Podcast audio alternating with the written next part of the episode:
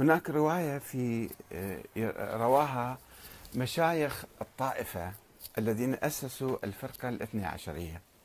كما تعرفون الفرقة الاثنى عشرية تأسست فيما يسمى بعصر الغيبة الكبرى. يعني هناك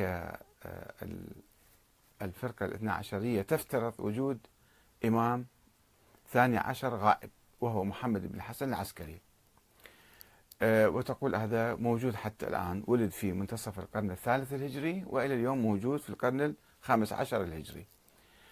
آه، بناء على فرضيات وعلى نظريات وعلى أوهام في الحقيقة آه، وقالوا في البداية هناك سبعين سنة كان له وكلاء خاصين.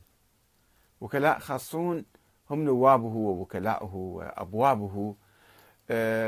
عثمان بن سعيد العمري ومحمد بن عثمان والنوبختي والصيمري.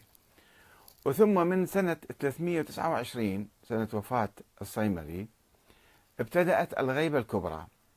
في هذه الغيبة الكبرى لا يوجد إمام لا يوجد حاكم ولا شخص مرشح للحكم من قبل الله تعالى. فكان يخرجون تواقيع وأخبار عن هذا الإمام الغائب الذي لم يره أحد.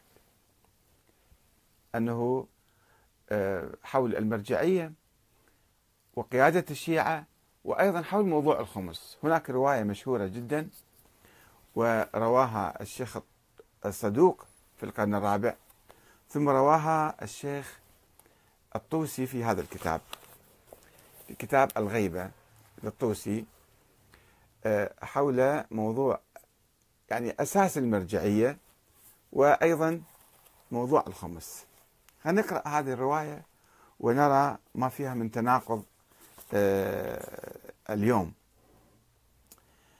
آه، فيها فقرة حول الرجوع إلى رواة حديثنا. الرجوع إلى يعني في المسائل الجديدة لأن الشيعة كانوا يحتاجون يسألون مسائل وإمام الإمام ما موجود. في زمن الأئمة كانوا يسألوهم ويجاوبون بعضهم كانوا يجاوبون بعضهم ما كانوا يجاوبون أيضا. آه، فقالوا ماذا نفعل الآن في المسائل الحادثة؟ قالوا فارجعوا فيها إلى رواة حديثنا.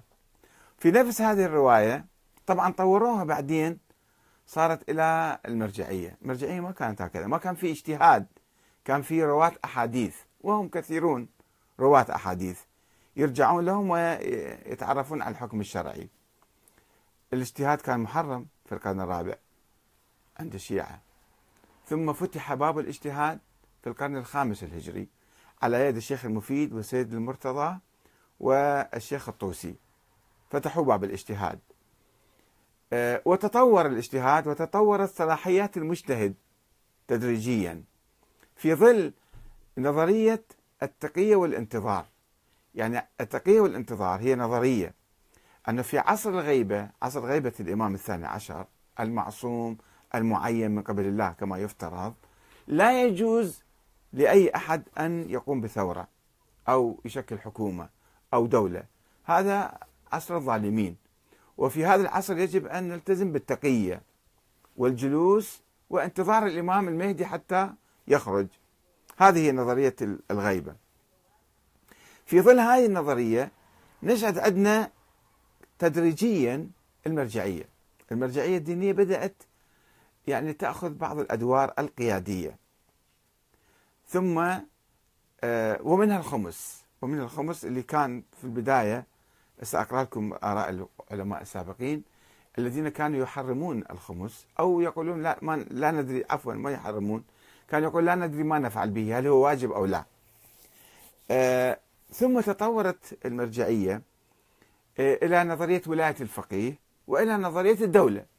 الآن وصلنا إلى مرحلة أن إقامة الدولة والثورة ضد الظالمين وتشكيل الحكومة والدخول في الانتخابات والدستور والديمقراطية كلها صارت حلال.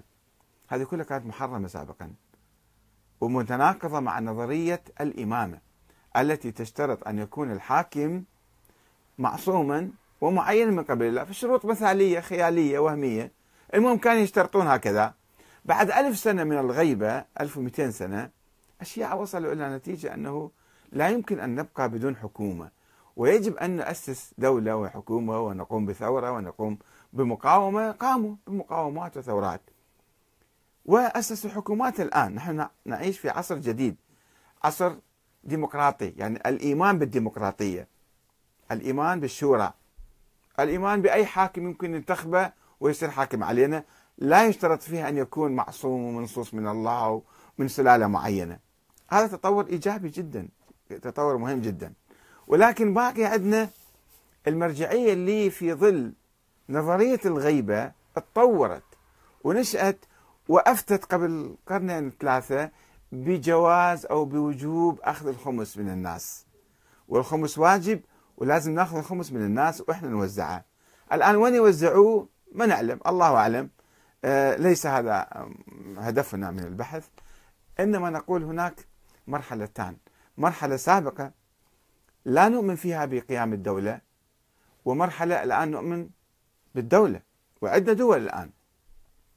فهل المرجعية آه، هي يحق لها أن تستلم الخمس وتظل على حالها تقوم بهذه الأدوار؟